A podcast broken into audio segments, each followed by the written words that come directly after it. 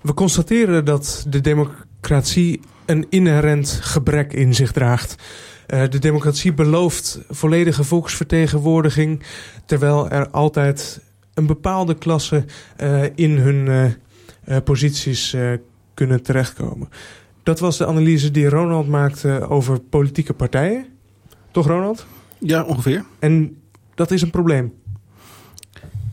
Uh, het is. Um, ik weet niet of het een probleem is. Kijk, als die politieke uh, kasten alles goed zou doen, dan was het natuurlijk geen probleem.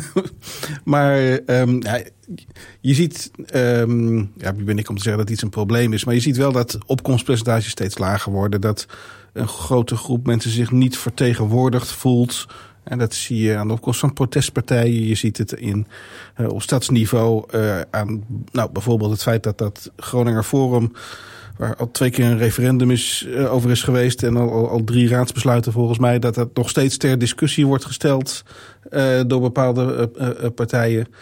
het ding is al half af en nog willen mensen het stopzetten. Dat, um, er loopt iets niet lekker in die democratie.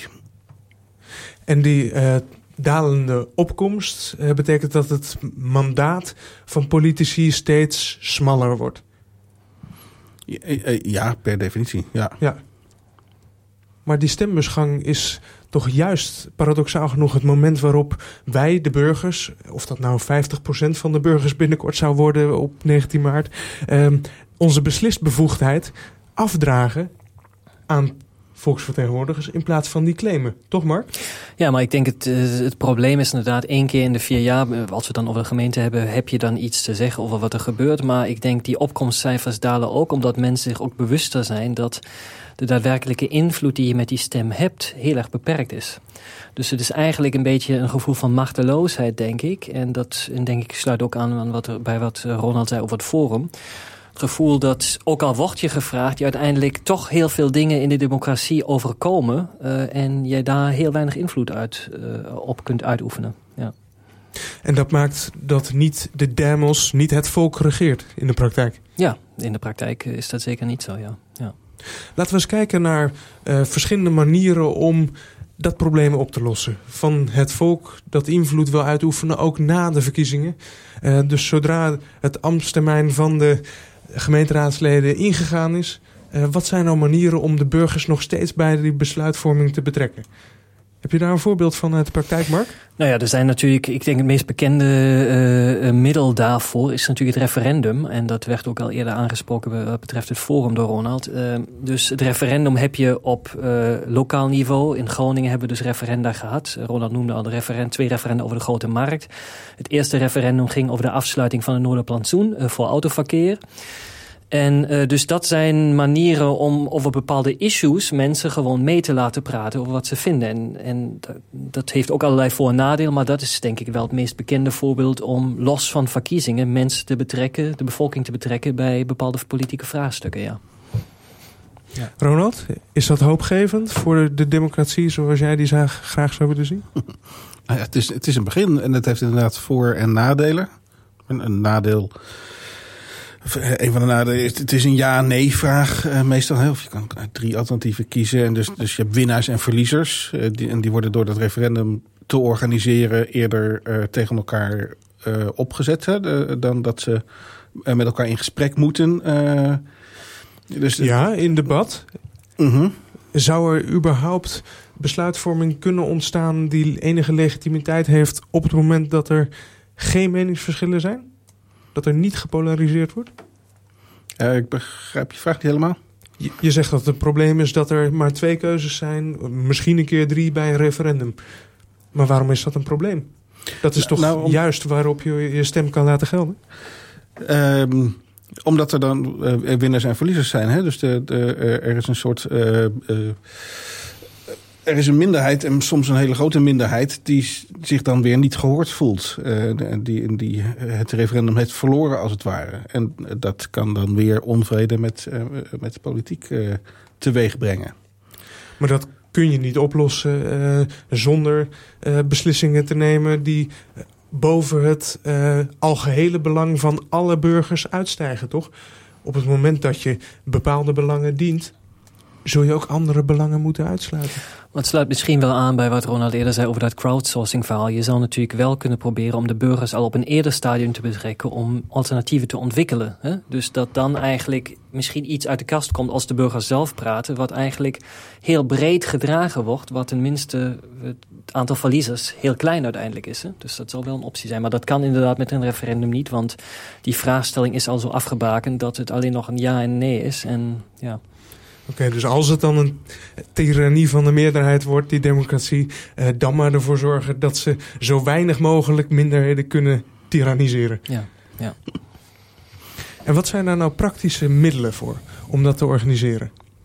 Nou ja, dus het referendum hebben we al genoemd. Dat is dus inderdaad uh, wel, heeft wel het voordeel dat je burgers direct betrekt bij concrete vraagstukken. Dus dat zie ik wel het voordeel. En daarnaast ook het voordeel dat je echt iedereen mee kan doen. Maar waar het referendum dus een van de dingen waar het slecht op scoort, is dat, het, uh, dat de deliberatieve kwaliteit niet hoog is. En dat wil zeggen dat Iedereen mag meedoen. Je weet niet wat voor informatie mensen hebben gelezen. Misschien hebben ze er nog nooit over na moeten denken. En, en toch uh, tellen we dat dan als de wil van het volk. Uh, dus het is eigenlijk een soort van globale opiniepeiling.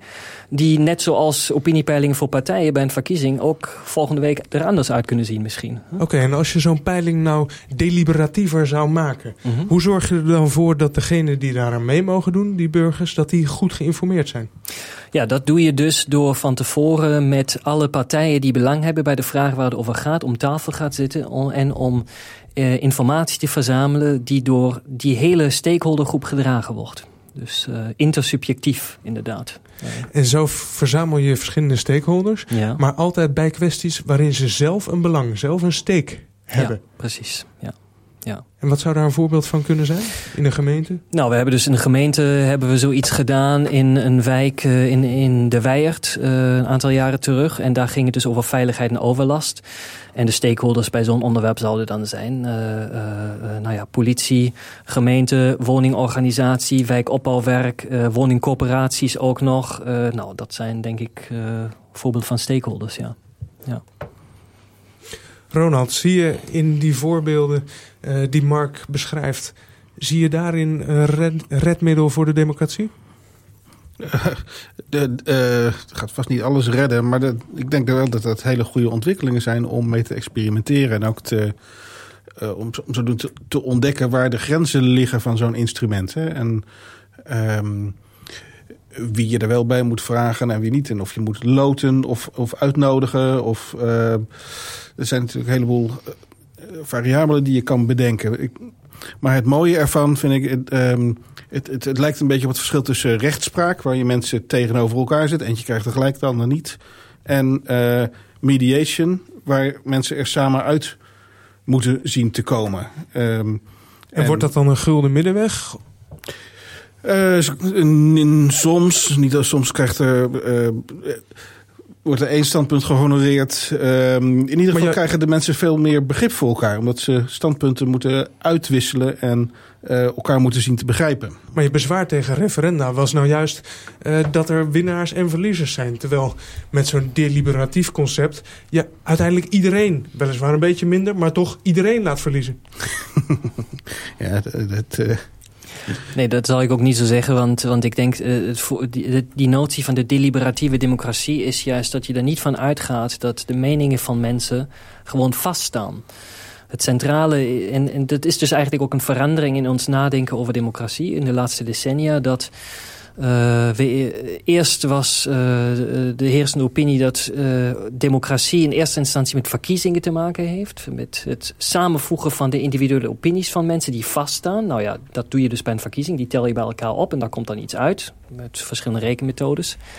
Maar nu is het idee meer, nou, democratie heeft ook te maken met discussie, goede informatie, argumenten geven en ook met elkaar in gesprek gaan en elkaar de kans geven dat je opinies ook worden veranderd door je medeburger. En dat idee dat je preferenties en je meningen veranderen en dat dat veranderingsproces juist ook centraal is in democratie, dat is nu veel centraler komen te staan. Dat leidt er ook toe dat als je meningen veranderen, je misschien op een gegeven moment uh, ook een, uh, meer winnaars om tafel hebt dan alleen maar, zeg maar die strikte tegenoverstelling winnaars en verliezers. Door het uitwisselen van argumenten steeds meer winnaars voor de publieke zaak. Daar gaan we in het derde blok uitgebreider op door. Maarten. Dat lijkt mij een uitstekend plan.